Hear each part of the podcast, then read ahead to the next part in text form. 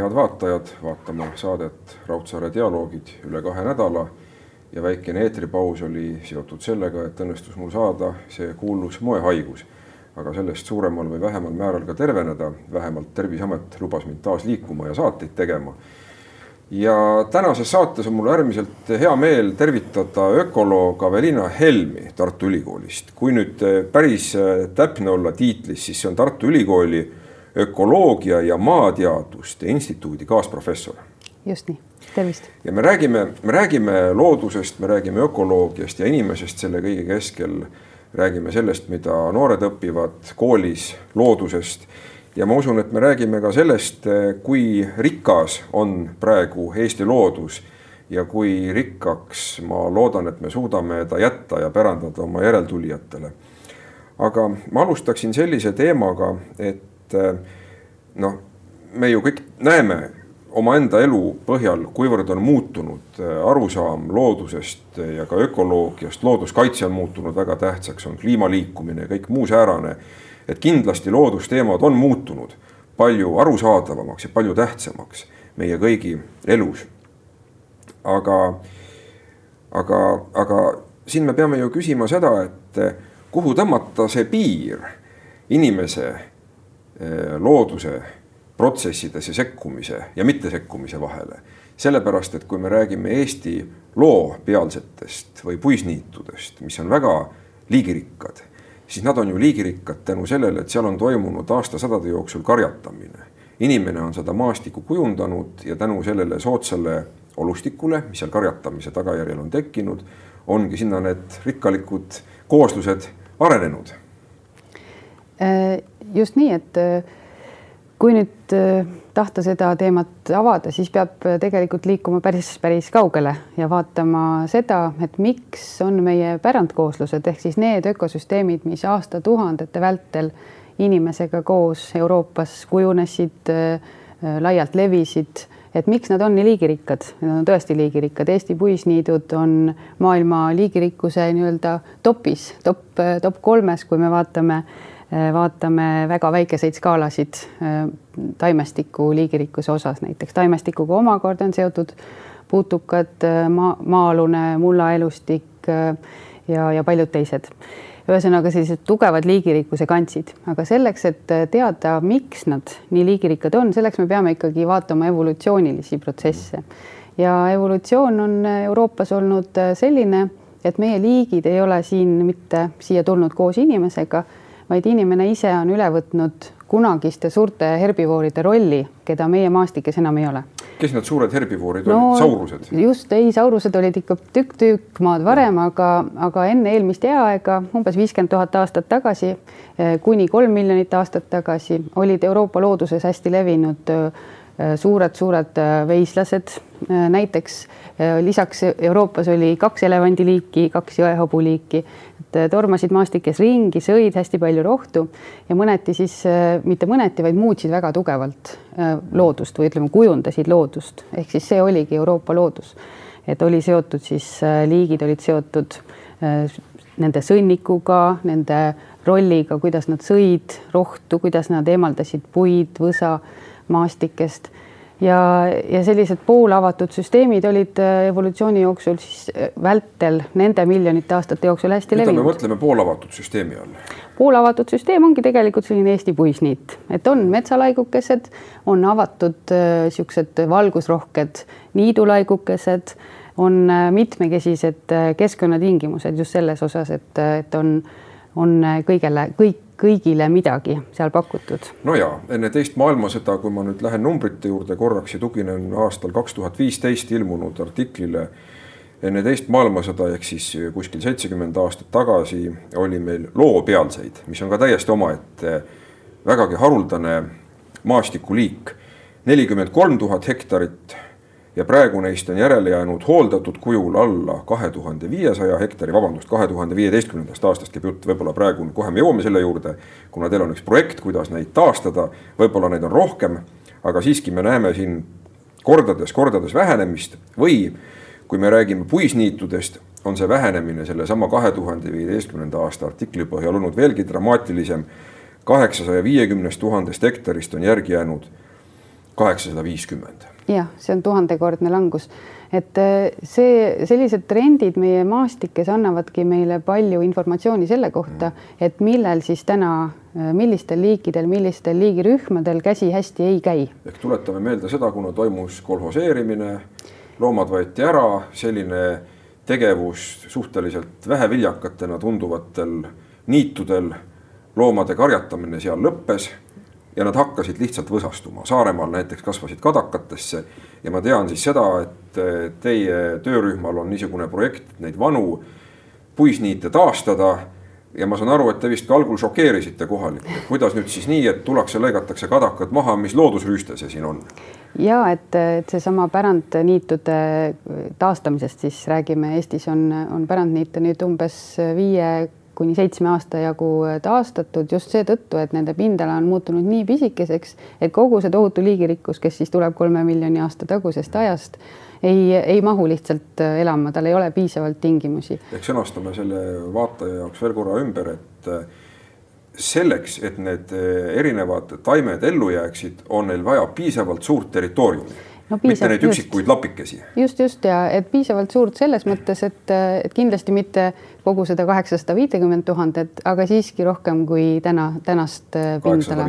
just, et, et see on siis tinginud äh, sellise taastamisvajaduse. kuidas see taastamine käib siis? lõikate e maha kõigepealt selle võsa just, et eh, no niitude, kõigepealt niitude kadumisel on mitu põhjust, et üks ongi siis seesama kinnikasvamine, mis tuli seetõttu, et, et põllumajandus intensiivistus, liikus viljakatele aladele eh, ja siis sellised vähem viljakad alad, kus ta traditsiooniliselt karjatati, need hüljati, need kasvasid kinni, aga viljakatel aladel olid samuti niidud, kus tehti heina ja karjatati, need muudeti valdavalt põllumaadeks ja siis osa niite jäi, väga palju jäi ka infrastruktuuri alla, näiteks Tallinna linn on poolenisti ehitatud ka suurele loopealsele.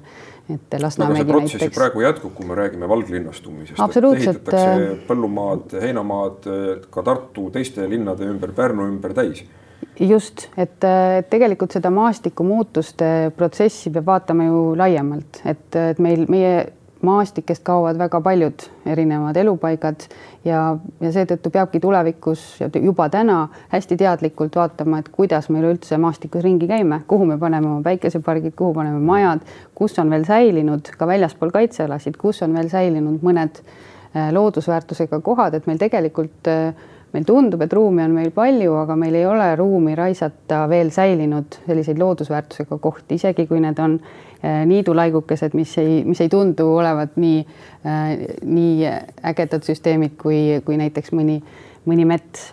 aga vot, kui me räägime pärandniitude taastamisest, siis nii nagu sa õigesti ütlesid, et siia sisse on ehitatud selline väike konflikt ka, et äh, inimestele ei meeldi ei, ei meeldi võsa eemaldamine või puude eemaldamine, et see tundub loodusvaenulik.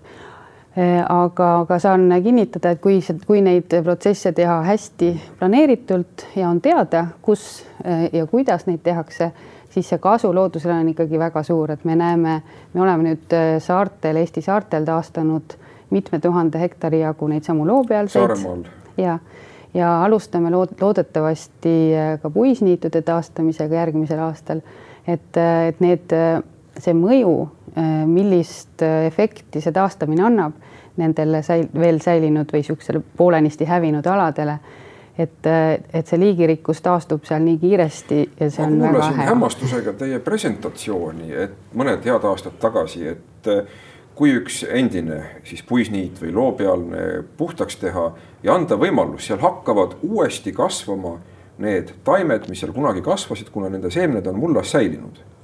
Kui kaua nad säilivad seal? Eh, võivad säilida kuni kaheksakümmend, üheksakümmend aastat isegi, isegi., noh, seal oleneb liigiti, et on, on sellised liigid, kes on jah, võimelised ehitama endale väga pikaajalise seemnepanga ja kui sa siis äh, õig lähed õigesse kohta seda, neid taastamistöid tegema, kus, kus eelnevalt on olnud kõrge taimestiku liigirikkus, et siis, äh, siis tõepoolest äh, osad liigid saavad taastuda sellest seemnepangast.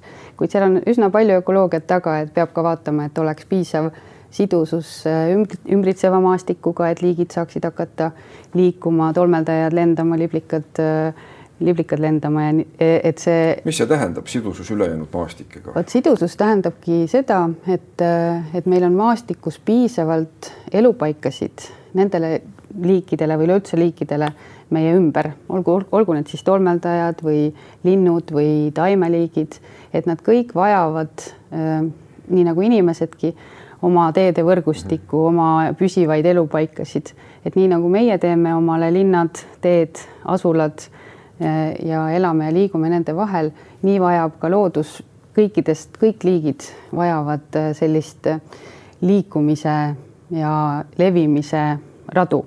ja kui me vaatame meie maastikke, siis hästi tavaline trend nüüd viimasel sajal aastal on olnud see, et maastikud lihtsustuvad, nad muutuvad rohkem ühetaoliseks. just, et, seda võib näha igaüks, kes sõidab kasvõi autoga Tallinn-Tartu maanteel et hästi palju on sellist ühetaolise välimusega maastikku, enamasti on see siis näiteks põllumajandusmaastik, kus, kus ei ole selliseid püsiva, püsivaid ja, ja siduvaid ühendusteid isegi kõige pisematele liikidele, et väga paljudele liikidele näiteks põld või ka, või ka võsa on, on sama hea kui, kui saari ümbritsev meri näiteks. nii-öelda kõrb. noh Just. mingis mõttes nende jaoks. et seetõttu on suur osa ökoloogiast ja ökoloogide tööst eh, on pühendatudki eh, maastiku ökoloogiale ehk siis sellele teadmisele, kuidas maastikud toimivad nii, et mahuvad nii inimesed oma teede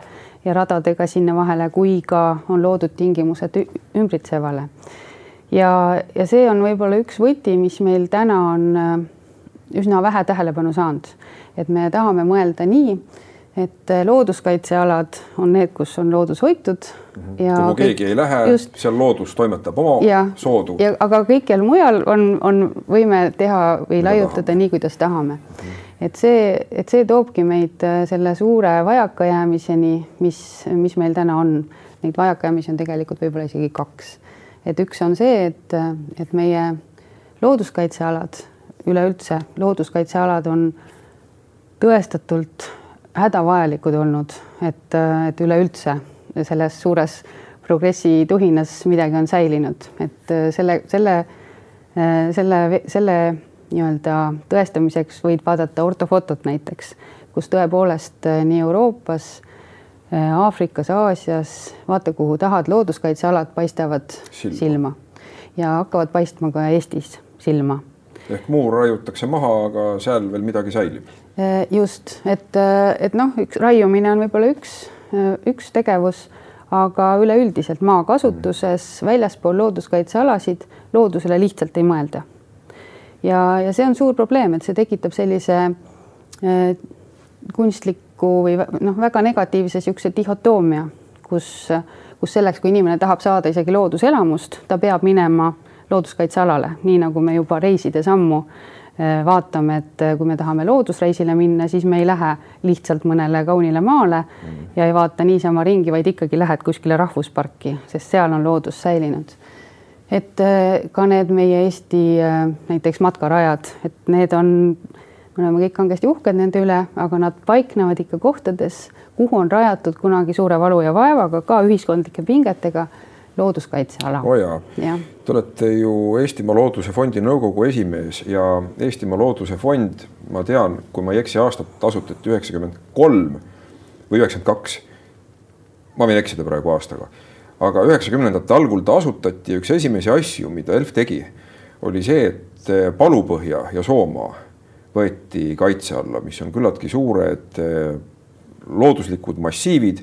noh, kes meist ei teaks eh, neid üleujutusi näiteks eh, viiendat aastaaega või siis, või siis tõesti Palupõhja soomassiive, kus võib-olla inimesed on vähem käinud küll. aga nii et Eestimaa Looduse Fond on teinud seda, et ta on tänuväärselt võtnud õigel ajal, ma arvan, siis kui ka Nõukogude armee lahkus ja me olime oma maa peremehed, aga kogu see noh, intensiivne maa kasutamine polnud veel alanud.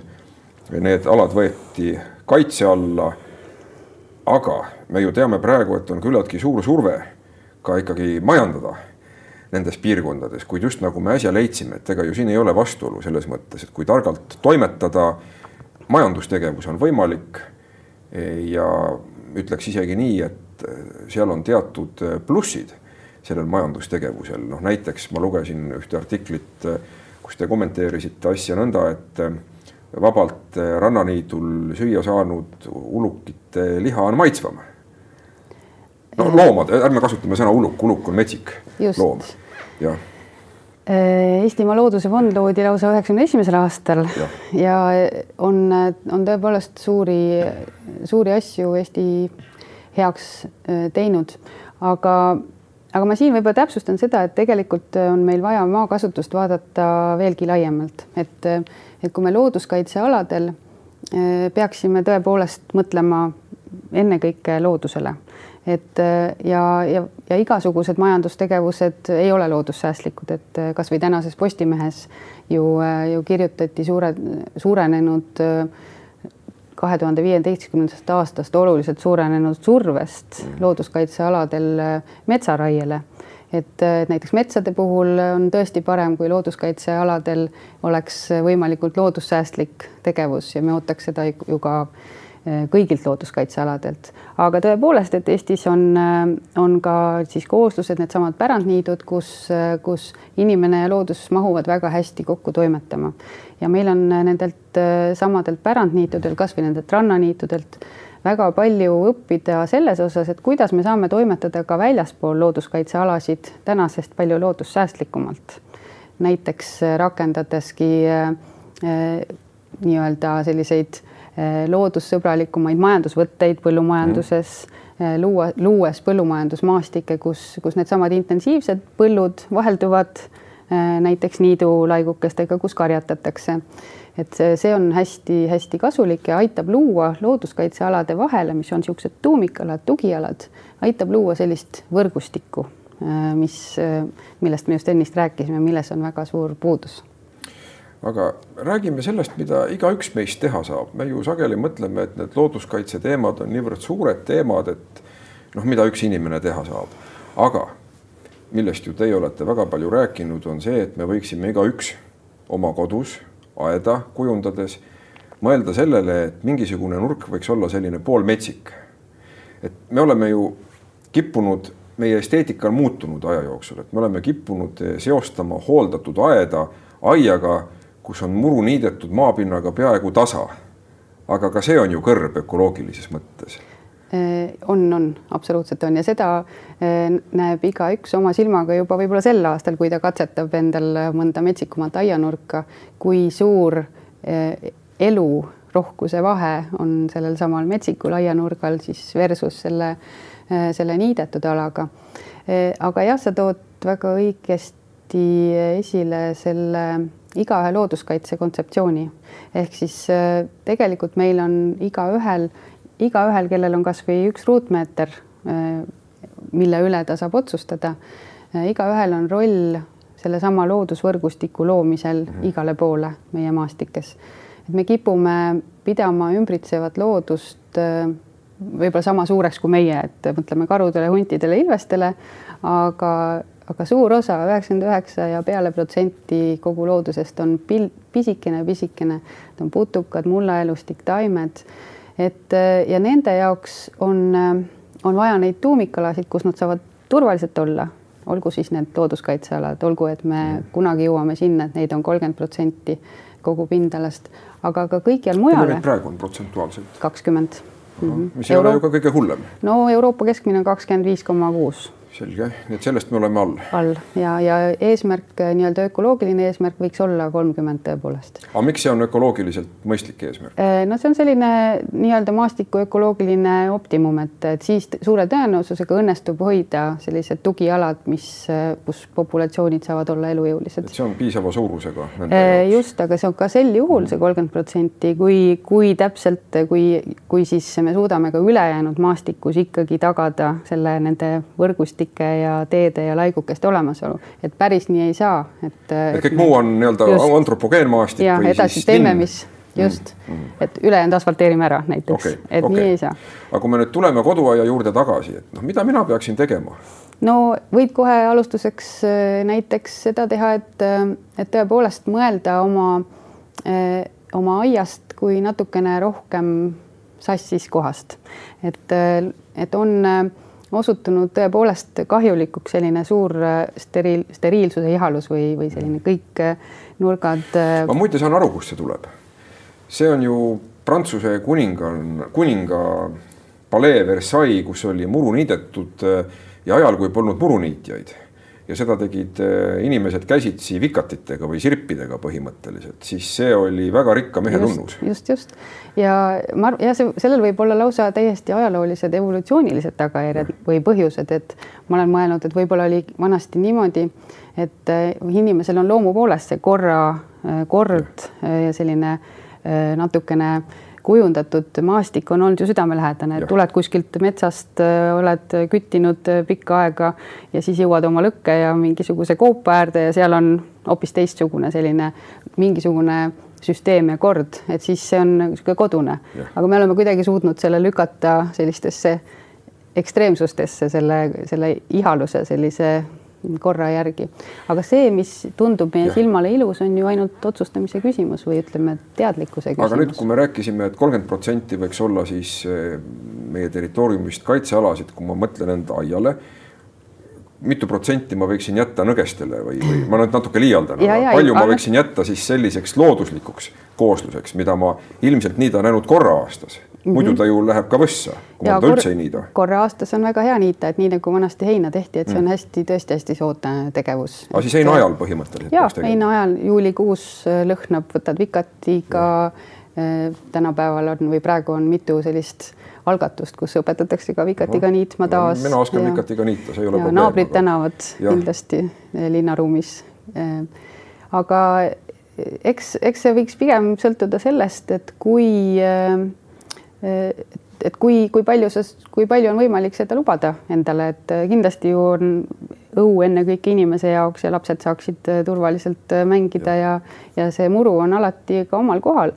aga võib-olla mõni nurgake, mida kasutad vähem, võib-olla on mõni koht, kuhu saab rajada komposthunniku, võib-olla kuhugi saab jätta isegi mõne tüvelama oma. siin ongi mul see küsimus, et kas siis, kui me jätame mingisuguse ala sööti, seal hakkavad asjad ise juhtuma või me peaksime ka seda siiski kuidagimoodi suunama meile meelepärases suunas, nii-öelda nagu Toots külvas neid Tootsi peenraid. ja näiteks maitsetaimede peenrad on hästi loodussõbralikud, et eh, või meeldivad väga paljudele tolmeldajate liblikatele, nad pakuvad palju nektarit mm. ja on, on selle võrra eh, sellised sobilikud ja, ja sellest eh, just, et võid endale teha Tootsi peenra, võid niisugused natuke korrast ära läinud äh, peenrad, kus kasvatatakse porgandit, on, on ka suurepärased elurikkuse kohakesed ning ja võib-olla tasub just vaadata, et mis seal juhtuma hakkab, et mhm. muretseda endale taimemäära ja võib-olla ka liblikamäära ja mm -hmm. ja,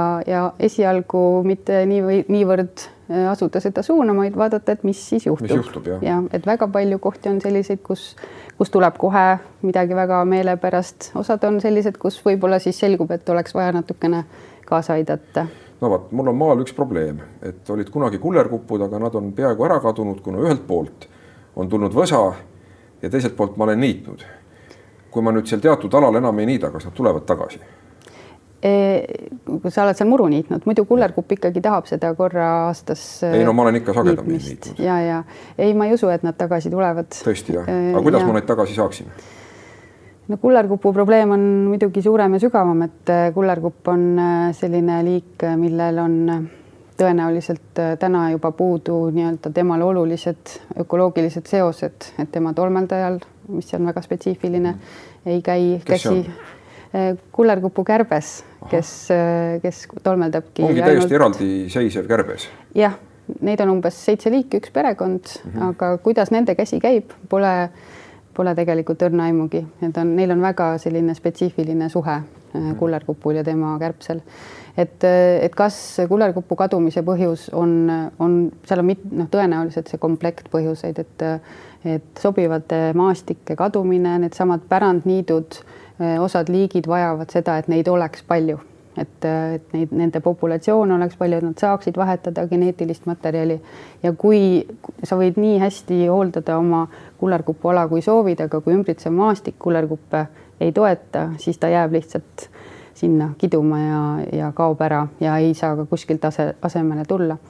et tõenäoliselt selline komplekt asju äh, pluss äh, kolmas selline üleüldine probleem meie maastikes on eutrofeerumine terv tervikuna, et äh, kõik. mida me selle all mõtleme, järvede eutrofeerumine on kinnikasvamine? just, see on põhimõtteliselt sama protsess, et samamoodi eutrofeeruvad, rikastuvad lämmastikuga meie põllumajanduse maastikud.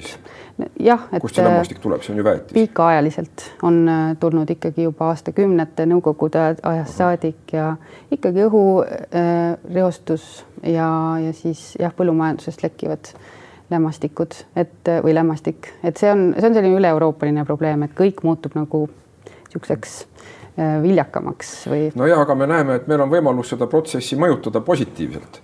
ja ma tean ju, et mitte ainult üksikisikutel, vaid ka organisatsioonidel on siin keskkonna vastutustundlikud ettevõtted, omavalitsused, Tartu omavalitsus näiteks. Ma ei tea, kui palju teie käsi seal mängus oli, ma oletan, et siiski võis ka olla mängus, et eh, parkides kõike enam ei niidetud sada protsenti vaid jäeti ka niisuguseid alasid, kus saaksid seal putukad olla, et mõned inimesed selle üle nurisesid, ütlesid, et miks on see siin niimoodi korrast ära. aga kuidas see projekt läinud on? Äh, no hästi on äh, läinud, ma arvan, et Tartu on väga ikkagi vastuvõtlik olnud ja nii-öelda õigel, õigel, õigel rajal sel, selles vallas, et kuidas me mõtleme linnaruumist tervikuna. et linnaruum samamoodi nagu ülejäänud maastik ei tohiks olla ainult, me ei tohiks sellest ainult mõelda kui nii-öelda inimese äh, kuningriigist või et mõelda, et sama hea, kui kõik on asfaldiga kaetud või, või midagi sellist et ikkagi linnaruum ja elurikkus käivad ka kokku, sest et inimene ja ümbritsev elurikkus käivad kokku. et täna on meil hästi palju äh, tekkimas tõendeid selle kohta, kuidas inimese laps kasvades vajab äh, kokkupuudet loodusega, äh, erinevate bakterite, seente mis on tema immuunsüsteemile möödapääsmatult vajalik. just, et sest, et me ei ole evolutsioneerunud nagu mullis või steriilses mullis, me oleme jälle looduse osa, eks ole, kõik meie nii-öelda kõhu, naha mikrofloorast kuni aju toimimiseni, mis samuti on kuidagi äh, kõige sellega seotud, äh, sõltub, sõltub siis sellest kokkupuutest loodusega ja seda muide ka Eesti teadlaste puhul. ehk et kui me kasutame safeguard'i, mis väidetavalt tapab üheksakümmend üheksa protsenti teadaolevatest bakteritest, nagu ütleb reklaam, mida ma olen näinud, siis ju me tegelikult tapame ära ka iseenda lõpuks no just, aga, aga eriti oluline on see just ka laste puhul, et, et nagu ütles Tartu Ülikooli professor Vallo Tilman, kes seda sellist uurimust tegi, kuidas loodus mõjutab äh, Eesti ja Soome laste immuunsust, äh, käis meile ettekannet pidamas ja ütles, et nii kui olete ära sünnitanud, tuleb laps viia metsa, metsale ja niidule, sest et siis ehitatakse üles see immuunsüsteem kogu eluks esimese kahe aasta jooksul või esimeste aastate jooksul ja siis seetõttu on väga oluline, et, et inimeste kokkupuude loodusega ikkagi säiliks ja just ja mitte lihtsalt loodusega, mitte lihtsalt pargiga, kus on puud, eh, vaid, või sellise nii-öelda mm -hmm. rohelise kõrbega vaid elurikka loodusega. mida me saaksime teha selleks, et see kokkupuude oleks olemas, kuna me ju näeme, et need maavanaemad ja maavanaisad on ära kadunud? just seda saamegi teha, toome Tartusse, toome linna elurikkuse, toome päris Eesti looduse erinevad ökosüsteemid eh, tagasi nendesse kohtadesse, kuhu nad mahuvad, meie linnade sees, ümber, aedades. et eh, ärgem peljakem seda kontakti. toome ja... selle enda juurde tagasi, kui see on võimalik, äh, selle elurikkuse, mitte ei lähe teda ilmtingimata teise metsa otsima e. mis on ka ju tore tegevus. on, on, mõlemad on mõlemat pidi, et me ei saagi sellist nagu emb-kumb jagada mm, -hmm. vaid et, et tuleb luua võimalused loodusega kontaktis olla nii vaimse kui füüsilise tervise heaks nii seal, kus me ise oleme, kui ka siis tagada, et meil on äh, nii-öelda neid tõelisi loodusalasid, kuhu me saame ka alati ise minna ja kus saab kogeda seda päris toimivat loodust ka. kui me räägime kooliprogrammist, mulle tundub, et siin on väike vastuolu, ühelt poolt lapsed teavad rohkem loodusest kui varem, vähemalt võrreldes selle ajaga, kui mina käisin koolis, algkoolis loodusõpetust õpetati. et nad tunnevad rohkem nii-öelda ökoloogiat, kogu seda mehhanismi ja võib-olla ka üksikuid taimeliike aga samal ajal nende reaalne kokkupuude loodusega on siiski kahanenud. no ilmselt on, et ja ilmselt on just siin ei saa ju pahaks panna seda ei lastele ega nende vanematele, vaid pigem sellisele, sellesamale muutuvale maastikule meie ümber, et ka neid võimalusi loodusega kontakti luua on ju palju vähem, kui ikkagi iga nurk on niimoodi, steriilseks mm -hmm. nülitud või, või kui iga maastik, kui sa ka linnast välja lähed vahetult, on väga üksluine põllumajandusmaastik, siis, siis sul ongi vähe võimalusi kokku puutuda nende laigukestega, kui vanaema juures oli või kasvõi varem võib-olla linnaruumis oli ja. rohkem niisuguseid metsikuid kohti, siis nüüd on neid ju väga vähe. kuna meil on ikkagi tegemist otsesaatega siis jällegi on tulnud meile vaataja küsimusi, mida meile serveeritakse sellises apetiitses vaagnas. aitäh.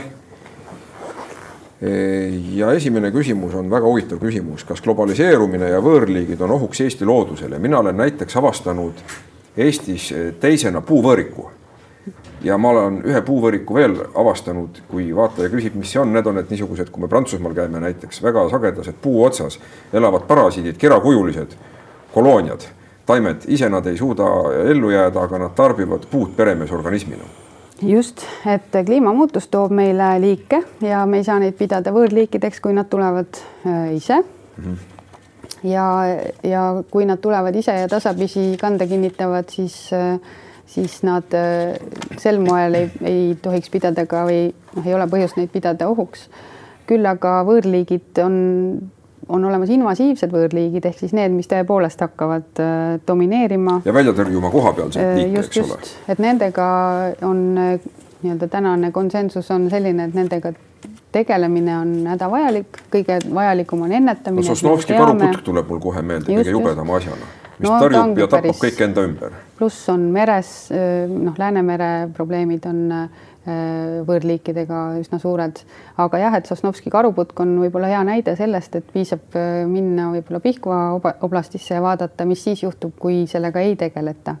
et ta on ohtlik, ohuks nii kohalikele ökosüsteemidele kui ka inimesele endale. ja, ja see pigem see võõrliikide surve kasvab invasiivsete võõrliikide surve ja ta kasvab läbi, väga suur levikuvektor ongi aiandus, äh, sissetoodavad liigid, nad hüppavad lihtsalt välja nendest äh, kohtadest, kuhu neid tuuakse, et nagu Tartus on näha, et Tartu ümber levib äh, kuldvits, Kanada kuldvits, on selline ilus kollane taim küll, aga siis kasvatab kinni olemasolevaid avatud ökosüsteeme Tartu ümber, hüppas välja Tartu botaanikaaiast umbes sada aastat tagasi nii et ka suhteliselt uus liik meie ja, maastikul. aga jah, see dünaamika nii ongi, et nad vaikselt Aha. kannatavad. nii inimesed jah. Ja võib-olla globaliseerumine, üks huvitav näide veel nähe globaliseerumise kohta on see, et üle maakera muutuvad ökosüsteemid sarnasemaks selle tulemusena, et inimene liigutab ringi mhm. neid liike, millega ta koos tahab käia või mis, mis siis on sellised liigid, mis inimesega sobivad kokku aga, aga teisest küljest siis hävitab neid liike, mis seda inimese juuresolekut nii hästi ei talu ja seda nimetatakse ka McDonaldiseerumiseks ehk eh, üle kogu maakera loodus muutub pigem ühetaolisemaks. ja miks on see halb, mitte ainult selles mõttes, et elu läheb igavamaks, vaid ka selles mõttes, et eh, ökosüsteem on seda vastupidavam katastroofidele ja muutustele, mida liigirikkam ta on. ja lõppude lõpuks me peame ju meelde tuletama, et see on püramiid, mille jalamil meie seisame. nii-öelda see väike protsent nähtavaid imetajaid saabki ainult sellel tohutul pisikesel armeel seistes elus olla. ja, ja rääkimata sellest, et me tegelikult ei või no ütleme, me teame juba päris palju sellest, kuidas maailm ja loodus toimib, aga see mastaap, eh, kuidas elurikkus hoiab üleval kogu maakera toimimist, kogu äh, aineringete äh, olemist, seda mastaapi me hakkame alles mõistma ja ka selle just selle paljususe rolli selle stabiilsuse tagamisel, et maailm tõesti toimib sellisena, nagu ta on. aga siin vaatajad küsivad, et kas on võimalik, et elevandid tulevad tagasi meie loodusesse kliima soojenemisega seoses, noh, kui me invasiivliikidest räägime no Euroopa elevant oli ikkagi, on kes kunagi Euroopas oli ja jõehobu, et need olid ikkagi Euroopa enda liigid, kohastunud vastavate tingimustega siin. nii nagu meie kilpkonn on see sookilpkonn seal Petserimaa kandis. et ei ole mitte stepi kilpkonnaga, noh, kilpkonn küll, aga ikka hoopis teistmoodi. ikka hoopis teistmoodi ja need liigid on ikkagi välja surnud, kes siin Euroopas toimetasid ja välja surnud liike tagasi enam ei too. ja ei too ka Aafrika elevanti enam Euroopasse elama. küll aga me peamegi mõtlema selle peale, et kui me tahame, et, et need looduse ülejäänud komponendid näiteks, kes, kes meile nendest elevandi ajast või jõehobu ajast, mis meile on pärandunud ja keda me hoidsime aastatuhandete vältel pärast eelmist jääaega tänu meie enda äh, kariloomadele. et, et need ikkagi ei kaoks ja selleks on spetsiifilised meetmed, näiteks kariloomad maastikus. tõsi ta on, tõsi ta on mm.. Kuidas lageraie ja ma arvan, et ka RMK lageraie on meil siin Postimehes teemaks olnud, kuidas lageraie mõjub liigirikkusele?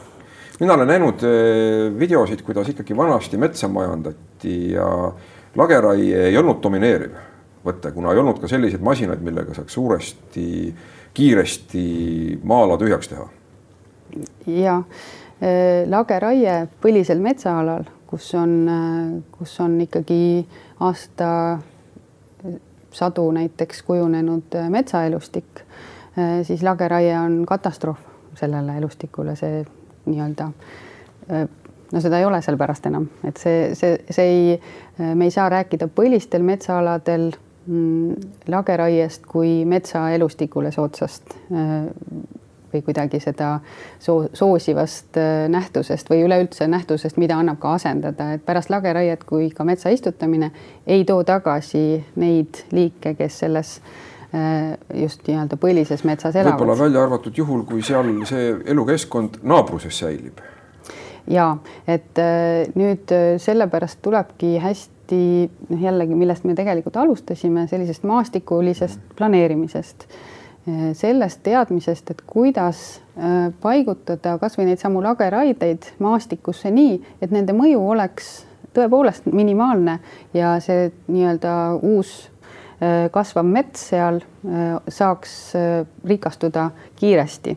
et ka selleks on, me oleme ise seda Eesti töödes, oleme vastava uuringu teinud, näidanud, et selleks, et taastuks metsa elustik lageraiealadel või näiteks noortes metsades, et selleks peab ümbritsevas maastikus olema vana metsa tõepoolest saja, kahesaja meetri kaugusel ja kahe kilomeetri raadiuses umbes kolmkümmend protsenti. nii et seda peab vaatama sellises maastikulises skaalas, et liikidel peab olema kuskilt tulla. et täna me sellist äh,, täna me sellist äh, maastikulist planeerimist ei tee ja ei mõtle üleüldse sellele, et kust, kust siis need, ütleme ka metsade taasistutamisel siis need liigid ikkagi sinna võiksid tulla jah, sest et see on ikkagi monokultuur, et kui me istutame sinna mändi või kuuske või kaske või mida iganes, see on monokultuur.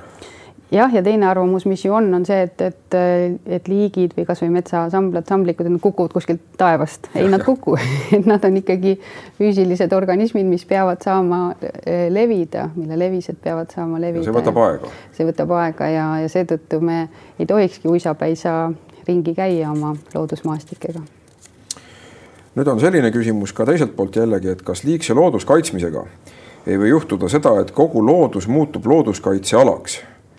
Noh, tuuakse näide siin muinsuskaitsega, et vanad hooned ja et võib-olla see ei ole kõige paremini alati mõjunud, et noh, et kui me nii-öelda kaitseme surnuks. kuigi me natuke minu meelest seda teemat ka käsitlesime, et eh, siin ongi mõistlik tasakaal, et peavad olema ka reservaadid noh, et äh, igal ökosüsteemil on oma vajadused, äh, et mil, millised, millistes tingimustes ta, ta säilib ja millised kaitsemeetmed on kõige paremad mm. -hmm. et selles osas on meil üsna hea teadlikkus, ma usun, ja neid valikuid osatakse hästi teha. Et see, see ei ole niisugune ei, ma ei, ma ei tarkuma. näe põhju, ma ei näe võimalust, et loodust saab looduse kaitsmisega surnuks kaitsta. kuigi tunnistada, et ajalooliselt on neid vigu tehtud, et näiteks needsamad rannakarjamaad, et siin kuuekümnendatel valitses tõepoolest looduskaitseliselt selline arusaam, et inimene on see kõige kurja juur ja et inimene tuleb igalt poolt eemaldada et äh, täna, tänased teadmised äh, enam seda siis kindlasti ei näita, et inimene on osa nendest süsteemidest, aga me peame väga teadlikult lähenema, et millised on vajadused pärandniitudel, millised on vajadused vanades metsades, millised on vajadused soos äh, ja, ja milliseid tingimusi me peame säilitama. et, et ma arvan, et, et looduskaitse on teinud suuri teadlikkuses või ütleme, looduskaitseteadus on teinud suuri, suuri edenemisi viimase viiekümne aasta jooksul mm. -hmm küsimus on niisugune küsimus küsitud, et miks me ei taju, et Eesti loodus on liigirikas? ma ei tahaks seda üldistada muidugi omalt poolt täiendades, aga ilmselgelt võib olla üks põhjus siin see, et meil on kõike olnud külluses. ja kui meil on kõike külluses, siis me ei taju, et see võib olla tegelikult väärtus, mis on maailmas tervikuna ohus. Äh, jah, ma ei, ma ei oskagi nagu öelda, kas äh, inimesed ei taju äh, looduse liigirikkust või seda võib-olla ei, ma näen nagu kahte asja, et esiteks vist ei, ei osata tajuda seda, et milline koht on nii-öelda kõrge loodusväärtusega ja milline on ta, näiteks tavaline äh, heinamaa või kultuurrohumaa või, või, või siis võsa versus tõelise loodusväärtusega mets, et, et mõned asjad on võib-olla lihtsalt natuke teadlikkuse taga, aga teine probleem või väljakutse, mis meil Eestis minu arust on, on see, et hästi palju elavad inimesed sellises arusaamas, et kuskil on see loodus nagu hästi ja liigirikas ja olemas, et ma siin küll ei näe, siin Tallinnas näiteks võib-olla, aga et küll ta kuskil on hoitud ja kuskil on temaga hästi. et, et see mõtteviis on natuke meid uinutanud ja, ja lubanud tegelikult päris äh, kurbasid ja kahetsusväärseid trende Eesti looduses, et, et päris nii see ei ole, et, et, et see loodus on turvaliselt hoitud Eestis. jah, kui kokku võtta meie vestlust, mis me siin pidasime, siis minu meelest üks oluline on tähelepanek on see, et me planeeriksime, kaks tähelepanekut minu jaoks. üks on see, et kui me räägime kasvõi raietest, et me planeeriksime, et me ei võta kõike suures alas lagedaks, vaid et jäävad ka kusagile need metsasiirud, mis võimaldavad raiutud alade taastumist looduslikul viisil.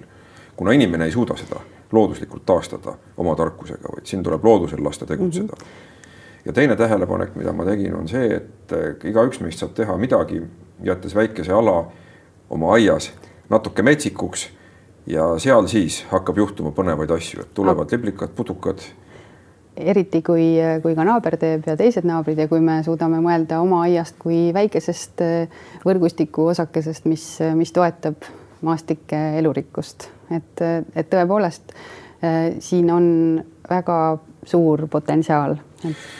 aga ma pean siiski küsima sellise küsimuse, et kas sellel kõigel, mida me teeme, on efekti, kui näiteks meie naabrid seda ei tee? Äh, et siis me võime vaadata ju globaalses mõttes kasvõi see Gaia kontseptsioon, et kogu maakera on üks suur elusolend. noh, Eesti ei ole kolmkümmend protsenti maakerast, et kui meil on siin kõik väga hästi, mis ei tähenda, et me ei peaks nende asjadega tegelema aga kui siin naabrid kõik maha võtavad ja ära rüüstavad, kas meil üldse on lootust? Äh, ma arvan, et me peaksime ennast mõõtma ikkagi enda selliste moraalsete ja tead- ja ütleme, teadmispõhiste äh, teadmiste järgi, mitte juhinduma äh, teistest ja pigem ütlekski nii, et maailm ju koosnebki Eesti suurustest laikudest, miljonilistest inimrühmadest et kui me kõik mõtleksime nii, et ah, keegi teine ju ka ei tee, et, et siis, siis me küll kuhugi ei jõua. ja meie roll siin Eestis on hoida Eesti loodust ja Just. Eesti elanike head elukeskkonda. aga siiski, Brasiilia vihmametsad, mida me saaksime nende heaks teha? Brasiilia vihmametsade. võib-olla toot-, mõeldes tarbimisele mm, -hmm. olles teadlik tarbija. me oleme ju tegelikult noh võib-olla kõige olulisem on ikkagi see, et me oleme Euroopa Liidu osa, mis on, mis on suur äh, kaubandusjõud. et Euroopa Liit näiteks sõlmides sellesama Brasiiliaga kaubanduslepet hiljuti paar aastat tagasi, jättis kasutamata selle võimaluse selgelt defineerida, et milliseid kaupu me ikkagi tahame, millise keskkonnajäljega tooteid me soovime osta Euroopa Liidus, et see oleks aidanud suunata oluliselt seda, et kuidas neid tooteid äh, toodetakse, millise keskkonnakahjuga. aga me ei kasutanud sellist võimalust äh, oma Euroopa Liidus. Äh, tarbija õlule tahetakse palju asju panna, aga tarbija saab teha ikkagi neid valikuid, mis on suurel määral ikkagi ette antud ja pigem me peaksime mõtlema tarbijatena hoopis selles vallas, et kuidas me saame nõuda seda, et meil oleks võimalik tarbida paremaid tooteid, mitte et meil, meil, meile antakse lihtsalt võimalus, et mine poes ja vali, kas see, see eh, laps tööjõuga vihmametsast tulnud kohvi või, või siis, või siis see eh, säästlik ja, ja õiglane kohvi, et, et see pole, see ei tohiks olla tarbija õlul Äh, see ja tarbija kaela aetud vastutus, vaid selle peab ikkagi lahendamagi suurel poliitilisel tasandil ja nii-öelda kodanikena me peaksime seda nõudma. et äh, ja, ja et mina nagu ei, ei saakski soovitada ühtegi tarbimisvalikut selles osas, et need kahjuks täna, täna ei, äh, ei ole need, mis toovad hetkel tulemust. Aga looduskaitses on natuke asjad võib-olla teistmoodi, et, et just see maalapikene, mis sinu kasutuses on, isegi kui see on rõdukast, see on tõepoolest kellelegi oluline, et see ruutmeeter, selles elab, selles saab elada väga palju liike, kes on ilmale peaaegu nähtamatud. Ja, ja kui neid ruutmeetreid tuleb piisavalt, siis on neile ka sobiv võrgustik olemas, et see on meie enda käes, et suur osa elurikkusest meie ümber mõtlebki skaalas kakssada meetrit sinna ja tänna, et pakume talle siis, pakume neile siis võimalusi selles skaalas. ja, sest suvi tuleb, kindlasti tuleb ja tunneme rõõmu siis sellest elurikkusest ja anname talle võimaluse elada mm. -hmm. aitäh, Aveliina Helm Tartu Ülikoolist, ökoloog, bioloog selle põneva vestluse eest niisugune oli tänane Raudsaare dialoogide saade ja ma usun, et te saite siit ka midagi õpetlikku, mõeldes sellele, mida teha eeloleval suvel oma rõdukastis või mida, mida oma aias või mida ka mitte teha, kui me mõtleme niitmise peale. ja see meie pisike tegu lõppkokkuvõttes annab kokku väga suure muutuse. nii et jõudu teile selleks ja järgmine nädal on meil juba uus külaline ja uus jutt. kõike paremat seniks. thank you